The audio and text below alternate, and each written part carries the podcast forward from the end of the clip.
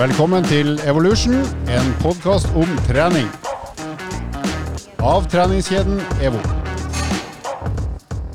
Hei, hei, kjære lytter. Nå hører du den fløyelsmyke stemmen fra nord.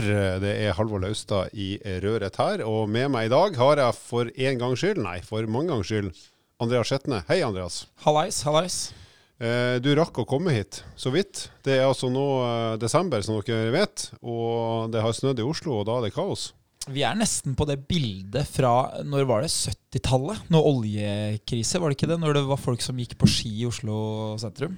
Og når kongen satt på trikken. Kongen satt på trikken. Det, hvis jeg hadde vært konge, garantert gjort sånne ting. Det, det må jo være en enkel måte å bli populær på. Ja, og, og så tenkte jeg på et smøreteam du kunne hatt. da. Du hadde hatt perfekte ski til enhver tid. Løypepatrulje osv. Tenk deg hvis kongen hadde holdt med Vålerenga. Sittet i klanen hver, hver andre søndag, så hadde han vært på, på puben. Og så vært ufin. For folkekongen fra Oslo øst. Ja, det har vært bra. Nei, men eh, Hvordan har du merka kulda, Andreas? Du er jo en fyr som er glad i å være ute. Ja, eh, mest av alt så har jeg jo merka det på den kjipe måten. Og det er jo at vi har jo gått fra å bo i leilighet hvor vi hadde parkeringskjeller, eller parkeringsgarasje, til å da ha garasje. Men utafor den så er det jo vi som har ansvaret for plassen. Og vi betyr du? Vi betyr jeg. eh, I hvert fall i antall timer brukt så langt, så betyr det bare meg. Betyr det at du har samme arbeidsdeling som jeg har? At uh, vi fordeler hjemmearbeidet, men om vinteren så gjør jeg snømåking, og så gjør den andre i huset det som er innafor husets fire vegger? Ja. Uh, nå er det jo sånn at det skal snø noe alvorlig mye for at jeg skal uh, stå i fare for å kunne si at jeg gjør mest. Da tenker du på i tid? Ja, det, Ja. Da skal det mest sannsynlig snø 30 cm hver dag hele vinteren. Så, så jeg føler det er ikke synd på meg.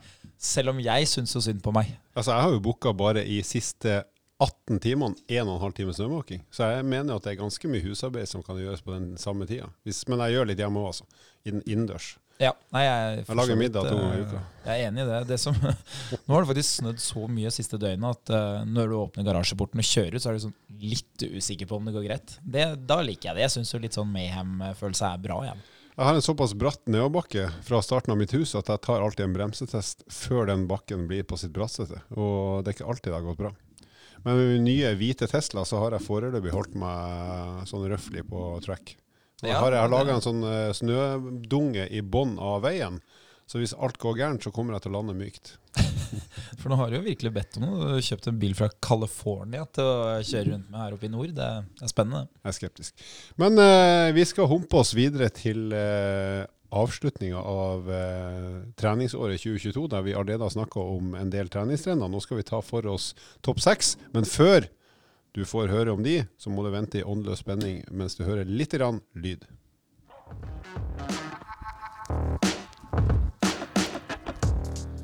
Jepps. Vi skal nå eh, kuske på de siste seks, eller de øverste seks trendene som ble spådd for treningsåret 2022. Og vi skal jo da snakke om hvordan det har gått, eller hvordan det har slått an. Og på sjetteplass, egentlig litt overraskende, syns jeg, personlig trening. Ikke at den er høyt oppe, men jeg hadde kanskje tenkt den var enda høyere. Hva tenker du, Andreas? Du er jo personlig trener, og personlig kristen, og personlig mye av litt av hvert. Personlig av alt. Hvorfor er den ikke høyere opp? Den er høyt opp, men hvorfor ikke høyere? Ja, det er jo følelsesmessig litt skuffende, men det er ikke, objektivt sett så er det ikke så rart. Det er jo en gang sånn at eh, personlig trening er noe som er veldig effektivt. eh, Noe som de aller aller fleste burde benytta seg av. Men det er jo ikke til å stikke under en stol at eh, for de aller fleste, så hvis du ikke vet ditt eget behov, og hvis du ikke har møtt en dyktig PT, Og hvis du ikke vet ditt eget beste, vil jeg føye til. ikke sant? Så, så vil det være sånn at de aller fleste vil tenke at det er dyrt. Eh, og det skyldes jo i stor grad at man ikke forstår verdien. Og det er jo helt fair, ikke sant? fordi man har rett og slett ikke verken uh, brukt det før, eller man har ikke sett noe tydelig behov hvor dette her kan være en problemløser. Og av og til når jeg foreleser for personlige trenere, så pleier jeg å si at det blir litt det samme som at du går inn for å kjøpe billett på toget. Og så får du tilbud om å kjøpe bil til 350 000. Det, det vil ikke være i nærheten. Men hvis du hadde fått noen til å prate med deg om eh, ok, hvor, hvor ofte tar du toget, hva koster det deg, eh, hvordan er det i forhold til når togavgangene går, hvor langt er det fra togstasjonen hjem til der du bor, så kan det jo hende at det å kjøpe en bil hadde vært noe som eh, faktisk hadde vært eh, å vurdere, og som hadde gjort hverdagen din enklere. Apropos det, nå fikk jeg en helt usaklig kobling her, men du sa at når du foreleser for personlige trenere. Men hvem er det som foreleser for personlige kristne? ja, det, Det er presten. det må jo være presten, det. Eller så kan det jo hende at det fins noen sånne som ikke bruker kirka. Det Men tenk, tenk deg å kalle det istedenfor å kalle det prest, bare kalle det foreleser. ja. Hadde det heva statusen, eller hadde det blitt færre som møtte opp? Men en del av de som uh, foreleser i USA, de er ikke prester. Nei, definitivt Altså. De har ikke teologistudier bak seg, de. altså. De, de har bare mye annet rart bak seg. Du, Apropos, eh, men eh, litt i forhold til at PT kanskje ikke er høyere opp, også en annen faktor kan være at eh, inn i 2022 så vi hatt, eh, hadde vi hatt korona i halvannet til to år, som åpenbart gjorde at bruken av PT ble ganske mye mindre, rett og slett for at det var ikke mulig eller lov. Uh, og det har jo tatt noe tid før det har kommet seg opp igjen, så vi kan vel si at i EVO så har vi vel sett siste månedene at nå er vi på samme nivå som vi var før korona i forhold til hvor mange som bruker PT. Så det har jo tatt litt tid at det eh, siger opp igjen. Ja, helt klart. Og eh, vi må jo også anerkjenne det at eh, for bare ti år siden så måtte jeg svare eh, til mine kunder på hva er det du egentlig gjør? Hva, hva gjør du ved siden av det å ha noen timer her? Hva svarte du? Da svarte jeg det jeg egentlig gjør, er det jeg gjør nå. Jeg bare gjør det da eh, 30-40 ganger i uka. Så når du går, så kommer det en annen. De anså ikke at du hadde en ordentlig jobb? Nei, men det, ikke sant? fordi det var så ukjent. da Det, var jo, det, det finnes jo mange sånne typer yrker som er litt sånn rart. ikke sant? For mange så er det jo sånn blogging òg, ikke sant. Kan jo være sånn ja, men skal du ikke skaffe deg en ordentlig jobb? Det mener jeg. Ja, ja ikke sant. Men så er jo mitt spørsmål alltid hva er definisjonen på en jobb? Er det årslønn eller er arbeidstid? For det er klart hvis du har lyst på arbeidstid, så finnes det mange fine yrker. Men hvis det er inntekt du egentlig jobber for, så, og, og frihet, da, for eksempel, så finnes det jo, da finnes jo PT, eksempel, hvis du gjør det bra. Men, eh, men det er jo klart at i dag er personlig trening mye mer uh, utbredt enn det det var bare for ti år siden. Så vi vil nok se at den her kommer til å være fast på lista, og, og det har den jo også vært de siste årene. Så jeg, jeg tror nok at eh, flere er i ferd med å få øynene opp for at litt kyndig veiledning vil gjøre det lettere å lykkes da med trening. Ja, og, så kan man jo, eh, ser vi jo at eh, personlig trening inkluderer mye mer enn før også. Det er ikke bare når jeg møter opp én til én, på treningssenter. Nå er det utendørs, det er online, og så er en personlig trener kanskje ikke bare det, men kan hjelpe til med andre ting, bl.a. mentale prosesser som mange også trenger hjelp til. Eh, Så det, det, det å være til hjelp for én eller flere eh, mot betaling, altså som en jobb, det, det er jo et yrke, eller en yrkeskategori som blir større og større. Ja, og så vil jeg jo da på generelt grunnlag si at eh, de fordommene man har mot at en PT egentlig er veldig glad i å trene sjøl, og så tenker at eh, da kan jeg gjøre litt av dette her, så blir det jobben min, og at man tar utdannelsen et sted hvor man egentlig bare bader og koser seg, det, det stemmer ikke. Altså Hvis du i dag bruker personlig trener, så, så vet du jo det at PT-en din er ganske dyktig. Og det er egentlig gjengs for de aller aller fleste som jobber som personlige trenere, og spesielt for alle de som jobber i de store kjedene. Så det, det er verdt å ta med seg at eh, personlig trening har blitt et seriøst yrke. Uh, hvor de som jobber med det, de er flinke. Altså de er nesten til dels litt for flinke i forhold til den respekten de får for, eh, for det de gjør. Altså. Bra. Vi skal kuske videre opp på lista, og på femteplass, og nærme pallen, har vi trening for vektreduksjon. Og det er jo ikke noe sensasjon at uh, trening for vektreduksjon er høyt oppe, for det er jo et ganske heftig behov for både i Norge og resten av verden. Det å komme i bedre form, ta vare på helsa si, eh, som veldig ofte er forbundet med å gå ned i vekt, hvis vekta har blitt litt uh, høy.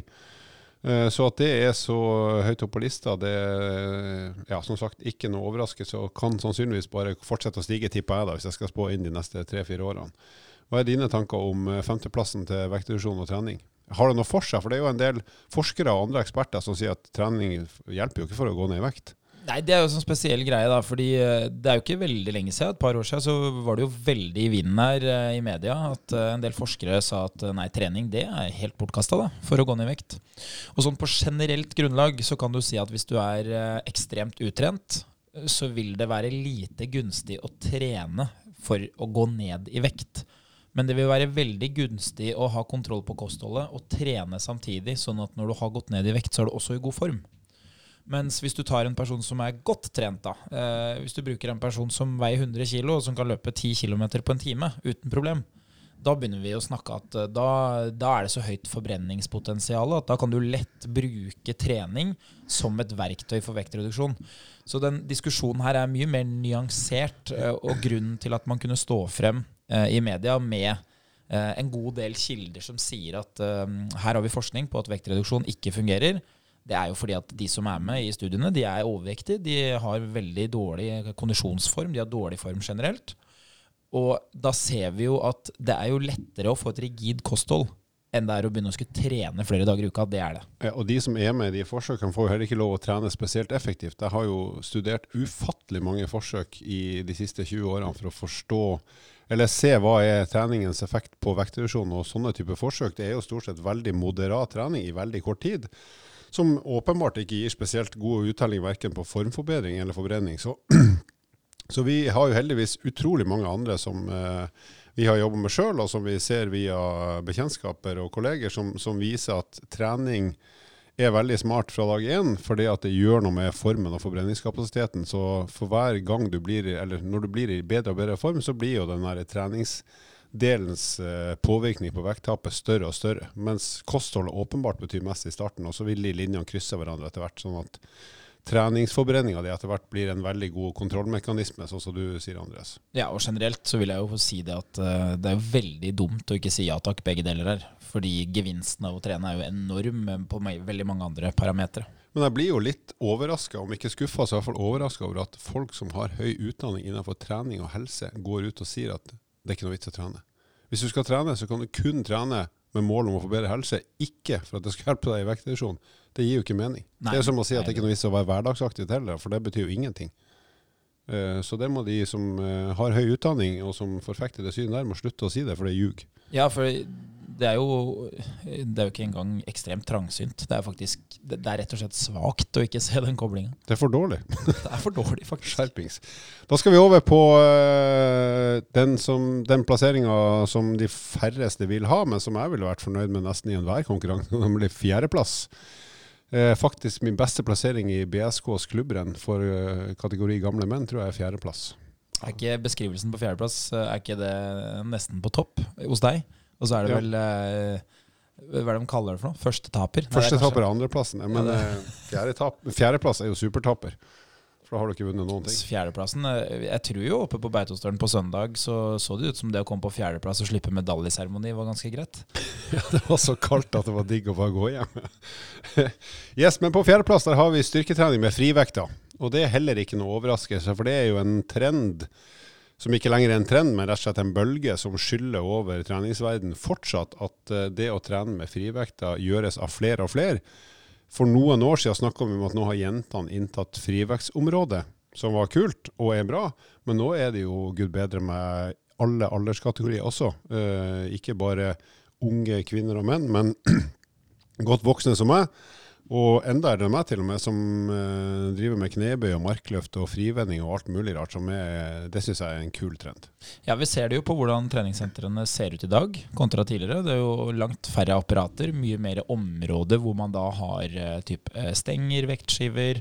Man har kanskje sånne manualer eller hantler, eller vekter, da, som man kan kalle det. Og det gjør jo at man får veldig mange muligheter i treningsarbeidet sitt. Og så er det jo klart at det kriteriet som kanskje er dekt her da, fra tidligere, det er jo at det er litt kortere vei til kunnskap. Jeg føler at hvermannsen kan litt mer om styrketrening i dag enn for 15-20 eh, år siden. De har sett litt på TikTok og YouTube. Ja, så det er bra for kroppen. Det er veldig bra fordi det som skjedde tidligere, var jo at de som hadde behov for litt sånn funksjonell trening, da, som vi kan kalle det, de satt jo ofte i apparatene. Mens de som skulle stille på scenen i, i type fitness, som burde kanskje sitte mer i apparatene og isolert muskulaturen sin, de drev med frivekter. Så det å få det byttet på plass, det tror jeg jo er bra for, eh, for begge parter.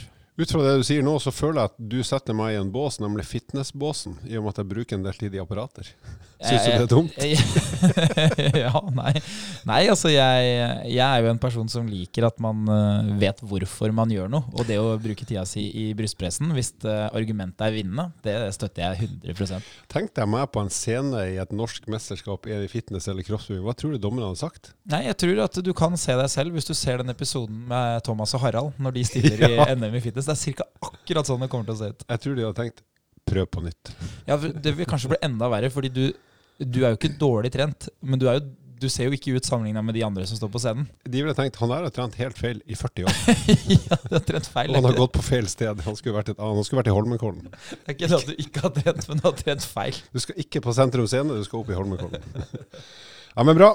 Da går vi over til første pallplass, og det er utendørsaktivitet. Den syns jeg også gir mening, gitt at vi har hatt igjen da den forbaskede koronaen som har tvunget de som vil bevege seg, i hvert fall ikke inn på treningssenter, for de har vært stengt, men hjemme og ute i hagen, og kanskje også rett og slett utendørs ute i naturen. Du er en ivrig bruker av natur, eh, doktor Skjetne. Ja. Hva tenker du? Jeg er ikke en ivrig seer av Ut i naturen på NRK, men eh, jeg er en ivrig bruker av naturen. Eh, jeg vet ikke helt om samboeren min vil støtte det, ettersom jeg løp intervaller langs Østre Aker, som er en motorvei i Oslo. Men eh, Du er ikke så opptatt av utsikt. Nei, og jeg går jo en del på ski, så sånn sett benytter jeg meg av det. Men det vi ser er jo at det er jo fremprovosert av at treningssentrene var nedstengt. Og så tror jeg òg, det her er jo da ren synsing, som er da eh, det vi tillater i den podkasten her til tider, fordi det er veldig mye annet som er faktabelagt. Ikke siter oss, det er vel det vi ber om til enhver tid. Nei, men det kan jo hende at uh, synsinga er bra, og at man tenker ja, det kan stemme. Så det jeg tror, da, det er at i et samfunn hvor vi eh, ganske lenge har rangert oss Vi rangerer oss i eh, prestasjoner, vi rangerer oss eh, hvordan vi gjør det på skolen, i jobb. Generelt hele tida så vil det være sånn at trening begynner å bli det eneste som står igjen hvor det å skulle prestere bra, det er hardt arbeid. Det får du ikke kjøpt. Det er ikke noe utgangspunkt som kan redde deg. Så det å, eh, det å liksom begynne å bruke trening som en metode for å rangere oss, det, det vil nok skje litt sånn ubevisst. Og da tror jeg også at vi kan se en tendens til at eh, styrketrening er populært fordi det endrer jo utseendet. Men det å drive med klassiske sliterting har jo ofte scora bra i Norge. Og utendørsidrett er jo definitivt sliteroppgaver. Og særlig hvis vi skal tenke litt hvem er som driver med det, så er det vel typisk folk med litt høyere utdanning, og som i utgangspunktet har ganske god råd.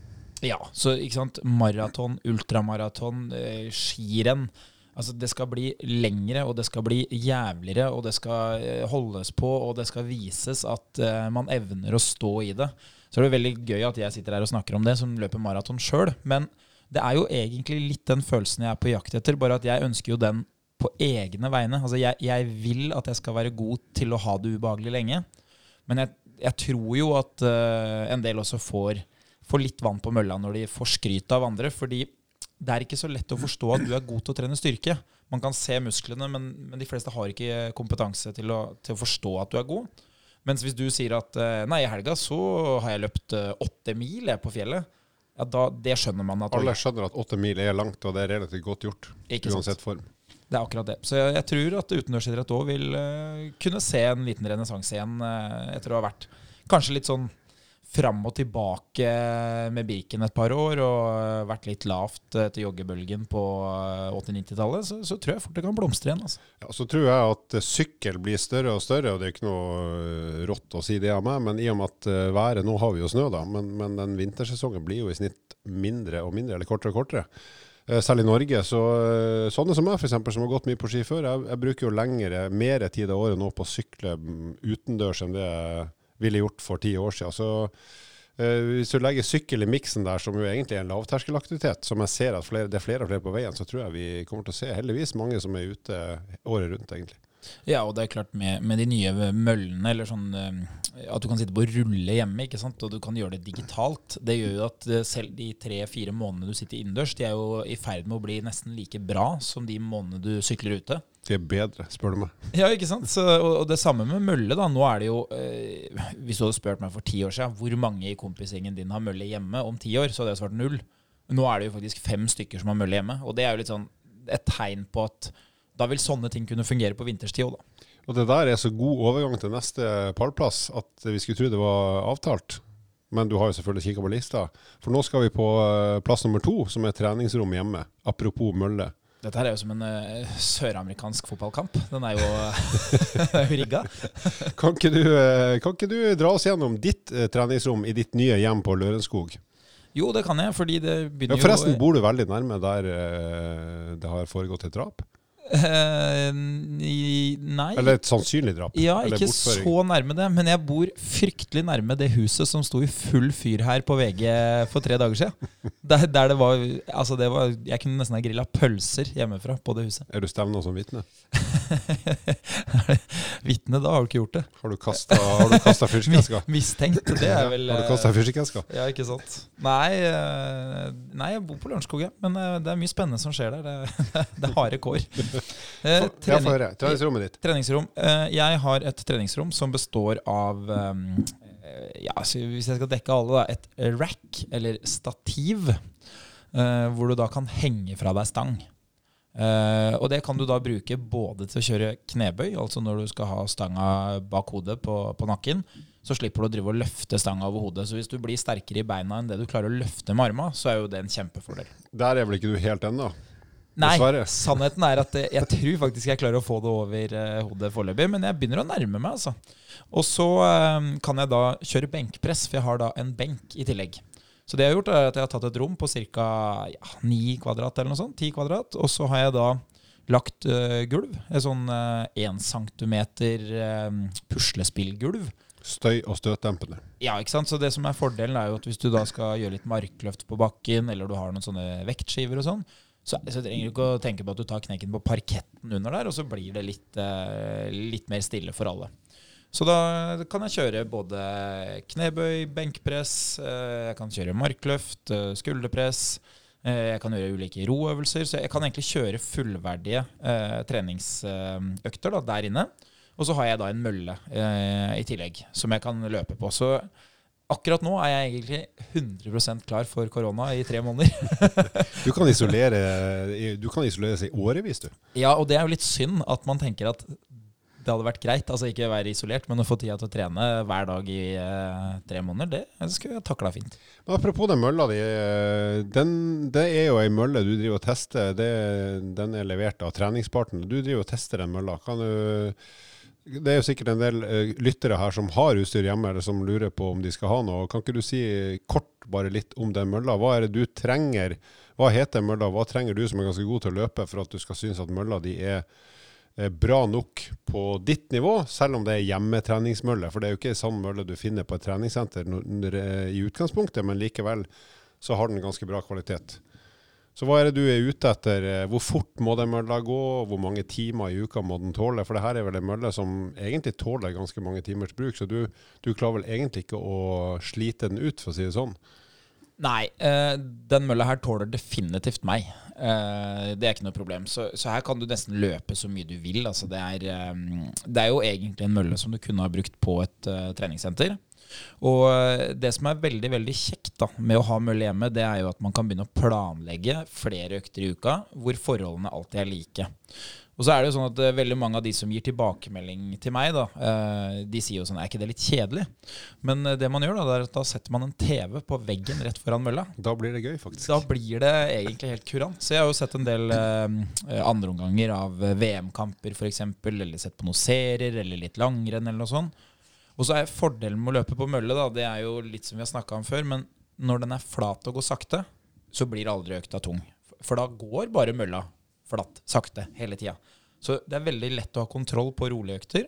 Og så gjelder det samme når jeg skal ha intervaller. At hvis jeg da gjennomførte en intervalløkt forrige uke, si at jeg hadde da fire ganger fire, da, for å prate om noe som folk forstår, fire minutter fire ganger med litt pause imellom, så vet jeg at hvis jeg løp det på en gitt hastighet og øker med f.eks. 0,5 km i timen, så blir det ikke så veldig mye tyngre. Jeg kan være ganske sikker på at jeg klarer å henge med på den Ja, du blir veldig presis på hvor hardt du skal ha det i forhold til hva du har gjort før. I forhold til utendørs. Så det er jo litt samme Hvis jeg skal si, snakke litt om mitt treningsrom, så har jeg selvfølgelig tre- tredemølle òg, men jeg har jo også en sånn vattrulle, altså en sånn sykkelrulle, der jeg på samme måte som du kan bruke tredemølla til å fintune hvor hardt det skal være, så kan jeg stille inn på akkurat hvor mye motstand jeg skal ha til enhver tid. Som er for sånne som i hvert fall deg og meg er veldig topp, for da kan vi rett og slett bestemme at i dag skal den treningsøkta her være akkurat så god, og jeg skal ha akkurat det treningsutbyttet som jeg er ute etter, gitt at jeg da gidder å gjennomføre. Så det gir oss jo, eller for så vidt alle da, som har den type utstyr, utrolig god mulighet til å få veldig gode treningsøkter. Så er det jo av og til man bare tenker nå skal jeg bare ha det rolig. Jeg skal rusle på mølla, jeg skal sykle lett og se på en hyggelig TV-serie. Og så, er vi, så får vi til det også. Men det er liksom Hvis man er interessert i å styre det man driver på med hjemme, så er det helt perfekt å bruke ei tredemølle eller eh, et annet apparat der du har en veldig klar forståelse av hvor hardt du faktisk eh, driver på. Ja, eh, og det som er kjekt da med mølle, er jo at du, du har jo kontroll, som du sier. ikke sant? Og så har du jo muligheten alltid. Det er jo det som er deilig her. at eh, Sånn som på kveldstid, når samboeren min jobber, eh, hvis du har kveldsvakt, så kan jo jeg være på mølla etter at eh, ungen har sovna. Og det er jo helt genialt, for jeg kunne jo ikke forlatt huset. Så, så det gir jo en veldig god mulighet. da. Og det beste med det er at når du løper fort, så hører du ikke at ungen griner. Så da får du trent ferdig allikevel. Det er kun på nedtrappinga at du blir observant på at det er noen som lager lyd. Hvis vi skal være litt sånn spesifikke på, på utstyret, da, så er det jo sånn at uh, man kjøper gjerne en mølle eh, i regi av hvor uh, driftssikker den skal være, i type slitasje. da, ikke sant? Så, Ja. Og hvor lite vedlikehold du trenger å gjøre, for det er kjedelig. ja. Og, og da er det sånn at hvis du løper en god del, sånn som jeg gjør, og du løper på litt høyere hastighet, så er det jo sånn at hvis du da veier litt i tillegg, så er det mye kraft som skapes. Hvis du har en veldig billig mølle, så vil jo da eh, mølla slite med å opprettholde farten, så den kanskje kan lugge litt. Eller at du løper på en fart som står på eh, displayet at det er så og så fort. Men egentlig så går det mye saktere, fordi mølla klarer ikke å dra båndet når du driver og løper med, med så tunge skritt.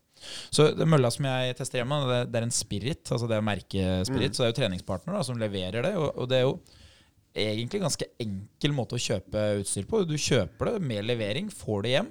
Og så kan du da enten få noen til å montere det, eller montere det selv. Eh, den her er montert selv. og nå er det jo klart at Jeg har jo vært litt borti treningsutstyr før, men det var ikke hinsides vanskelig egentlig hvis man er vant til å skru og mikke litt eh, når man kjøper ting som må fikses sjøl. Og, og den har jo da egentlig en ganske sterk motor, så det er jo, det er jo en dyr mølle sammenligna med hva veldig mange andre jeg kjenner Men du syns det er verdt det? Jeg syns det er verdt det, og jeg må jo si at eh, det som jeg legger merke til, da, som er veldig kjekt, som jeg kanskje ville hatt uansett, det er jo muligheten til å forhåndsjustere øktene, sånn at man kan si at dette er den økta jeg ønsker å løpe. Eller at det fins noen forslag, for da slipper du å drive og styre fart opp og ned. Da gjør mølla det selv. Og så er det én ting jeg liker, da, som er sånn ren latskap. Og det er at på den mølla jeg har nå, så står det 1 til 10 på venstre side, og så står det 1 til 12 på høyre side. Og når jeg trykker da på den venstre siden, så vil det bety at da går mølla til den stigningen. Men hvis jeg trykker på høyre side, så går mølla til den hastigheten Ved ett tastetrykk. ved ett tastetrykk. Eh, og hvis du da f.eks. skal løpe en økt som er eh, du løper på 12 km i timen i eh, intervallene, og så skal du gå litt på fem i pausene, så kan du bare trykke fem når det er pause, tolv før du skal løpe, så går det av seg sjøl. Nå, nå sitter han og koser seg. Han smiler fra øre til øre, for det her liker han veldig godt. Men det er, det er veldig praktiske funksjoner som heldigvis veldig mye jevntrennsutstyr har, rett, rett og slett for å gjøre det enkelt. Så eh, eh, for de som ikke har utstyr eh, nå, men som tenker at det hadde vært kult å få tak i, enten til jul eller etterpå, så er det jo bøttevis av leverandører som har masse bra utstyr. Vi har nevnt treningspartner, vi har XXL. Sportsmaster, Casal.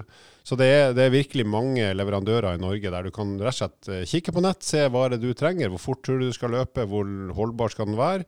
Og så er det stort sett å bestille, så får du hjemlevering hvis man har råd til det. Og det kan jeg jo grovt anbefale. Men nå skal vi rett og slett over til numero uno. Og det er bærbar teknologi. Det her har jo vært eh, topp tre de siste fem årene. Og, og da er vi jo inne på den der fellesbetegnelsen med pulsklokker og apper og generelt digitalisering, da. Digitalt termometer, inngår det? Burde det? Det er jo en vinner, faktisk. Som slipper å drive og åpne luka for å se på steiken hele tida og miste all varme. Eh, det som vi har snakka om her tidligere, er jo litt sånn eh, Trengs det? Nei. Eh, er det kjekt? Ja. Kan det forbedre treningshverdagen? Ja.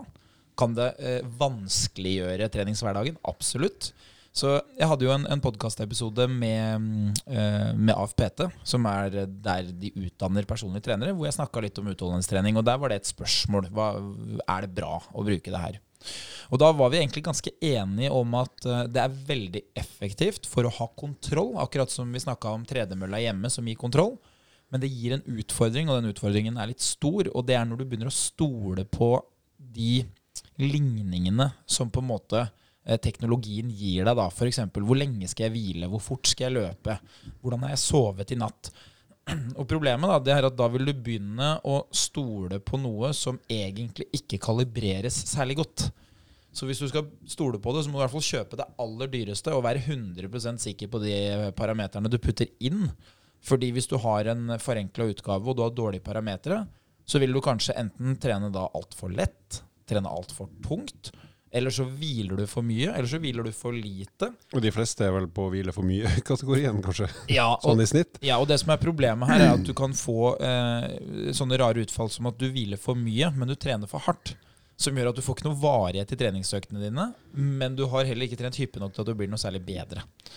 Så eh, jeg må jo si at eh, jeg er veldig fan av at man finner seg metoder som gjør at det fungerer. F.eks. jeg anbefaler mange å bruke Strava. Eh, veldig effektiv eh, løpe-, sykkel-, ski-app. Mest av alt fordi den Det er jo kan kondis, kondisens Facebook. Ja, det er det. For der kan du ha kontroll på hvordan du selv gjør det mot deg selv på eh, like steder. Men så er det en funksjon til, og det er jo at veldig mange som bruker det, begynner jo å få litt oppmerksomhet fra andre. Så jeg kan jo da følge opp mennesker som jeg ikke bor i nærheten av og ikke trener sammen med, og, så kan jeg gi de litt motivasjon gjennom at jeg skryter litt og interesserer meg i treninga. Som gjør da eh, den eh, litt kjipe bieffekten at når de sitter hjemme neste gang og tenker ah, jeg orker ikke i dag, så tenker de ah, nå ser alle at jeg ikke gjør det. Og det er jo kanskje ikke et, en veldig sånn positiv mental ting. Men kroppen din bryr seg egentlig ikke så mye om sinnstilstanden din når du gjennomfører treningsøkter. jeg mener at den type helsepress, det er helt greit. ja, for, For de aller fleste. Ja, for sannheten er jo at flertallet burde jo kanskje hatt et større helsepress basert på hvordan kroppens eh, fysiske tilstand er. altså. Nå har vi lansert et nytt begrep. Ikke kropps, kroppspress, men helsepress. Helsepress, ja. I positiv forstand. Bedre enn drikkepress, kanskje. Jeg er jo en uh, misbruker av Strava sjøl, så jeg bruker jo det som treningsdagboka mi, i tillegg til å følge med på folk jeg kjenner, og, og folk jeg følger opp i treninga. Så det, er- det syns jeg er supert for, for de som driver kondistrening.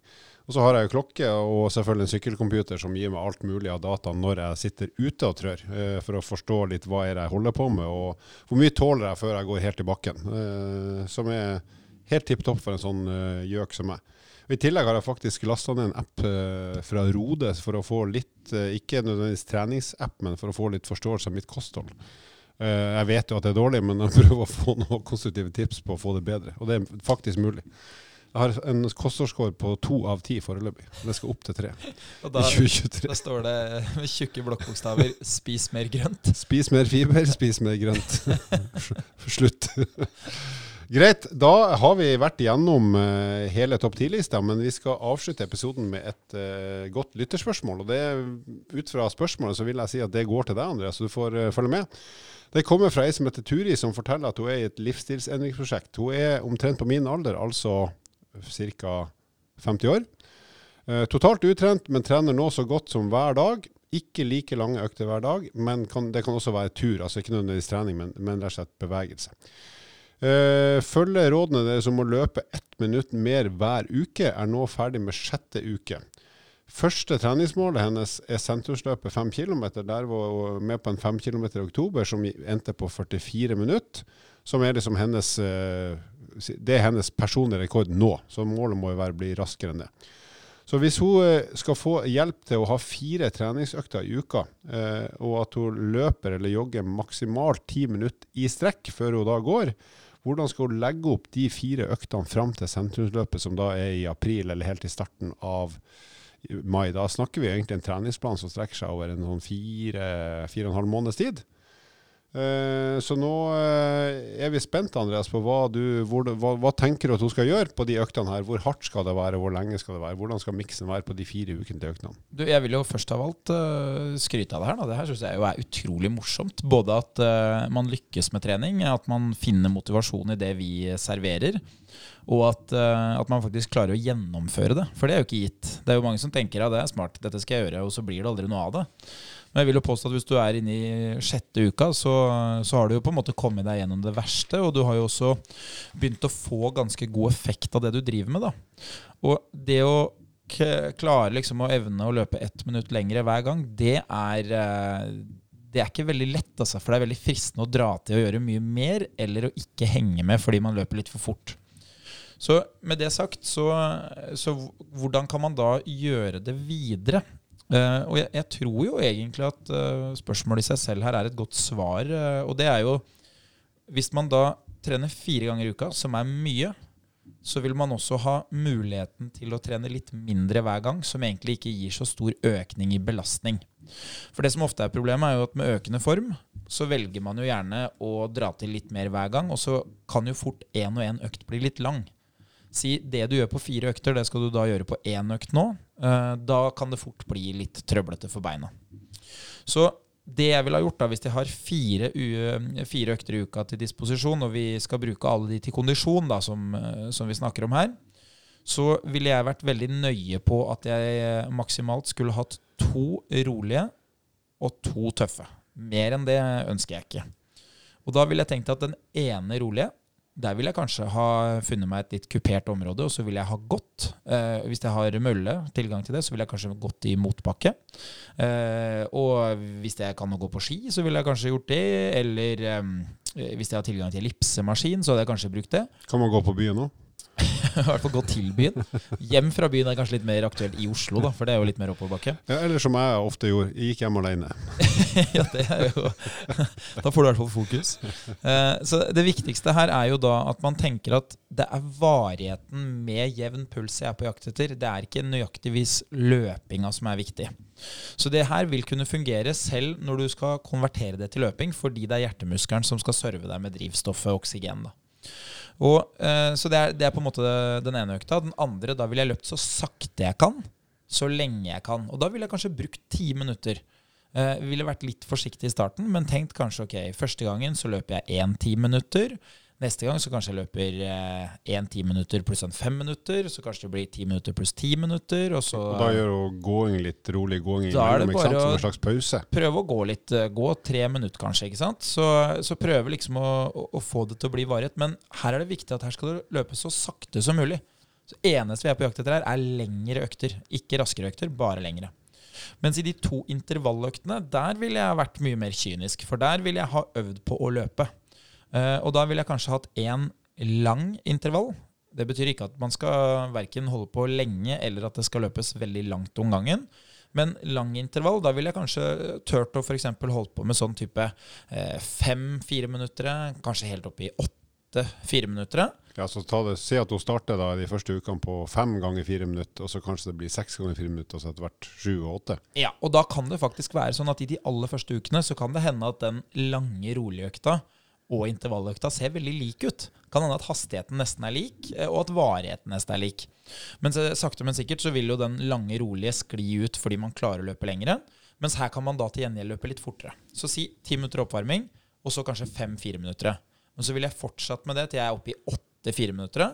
Og så vil jeg da holdt høyere og høyere fart i de fire minutterne. Men de fire minuttene skal være ganske tunge, men det er ikke sånn at du er desperat på slutten av hver fire minutter. Så du skal vite at når jeg har gjort én eller to, så klarer jeg fint å gjøre de resterende også uten noen store problemer. Ja, og, og, der er det jo å snu seg og se tilbake som er viktig. ikke sant? At det går litt fortere hver gang. Og det skal du ikke gjøre i den rolige.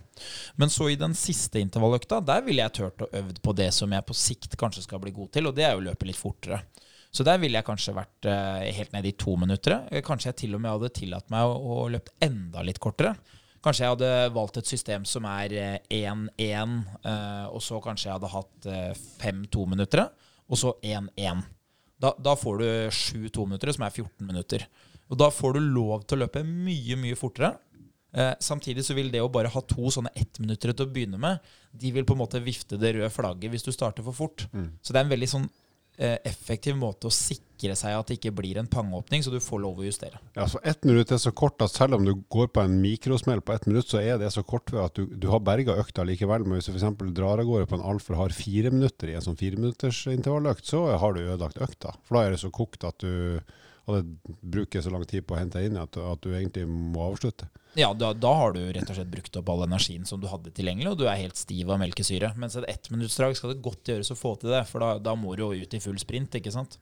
Så en sånn metode hvor man bruker 1-1, og så 5-2 minutter, og så 1-1 på slutten for å få lov å løpe litt fortere enn der. Og da kan man jo gjerne ha sånn ett eller to minutt pause underveis. Og da vil jo jeg si at pass på nå at du husker eller skriver ned hva du har gjort uke for uke, sånn at du kan få lov å glede deg over fremgang. Prøv å, eh, hvis du løper ute, og se om du kommer lenger og lenger på de ettminuttsdragene og de fireminuttsdragene, eller løper du på mølle, hvor mye fortere klarer du å løpe etter hvert, eller hvor mye brattere stigning har du, sånn at du hele tida ser tilbake og fremover. For det, det, er jo da du kan se at på én og to og tre og fire uker så skjer det jo ganske mye med en kropp. Ja, for problemet her er jo at uh, det blir ikke noe lettere fordi om man kan løpe fortere. Så intervalløktene mine når jeg er i god form, er jo ikke noe lettere enn når jeg er i dårlig form. Eh, motivasjonen er kanskje litt eh, oftere til stede, eller eh, at jeg gleder meg over prestasjonen.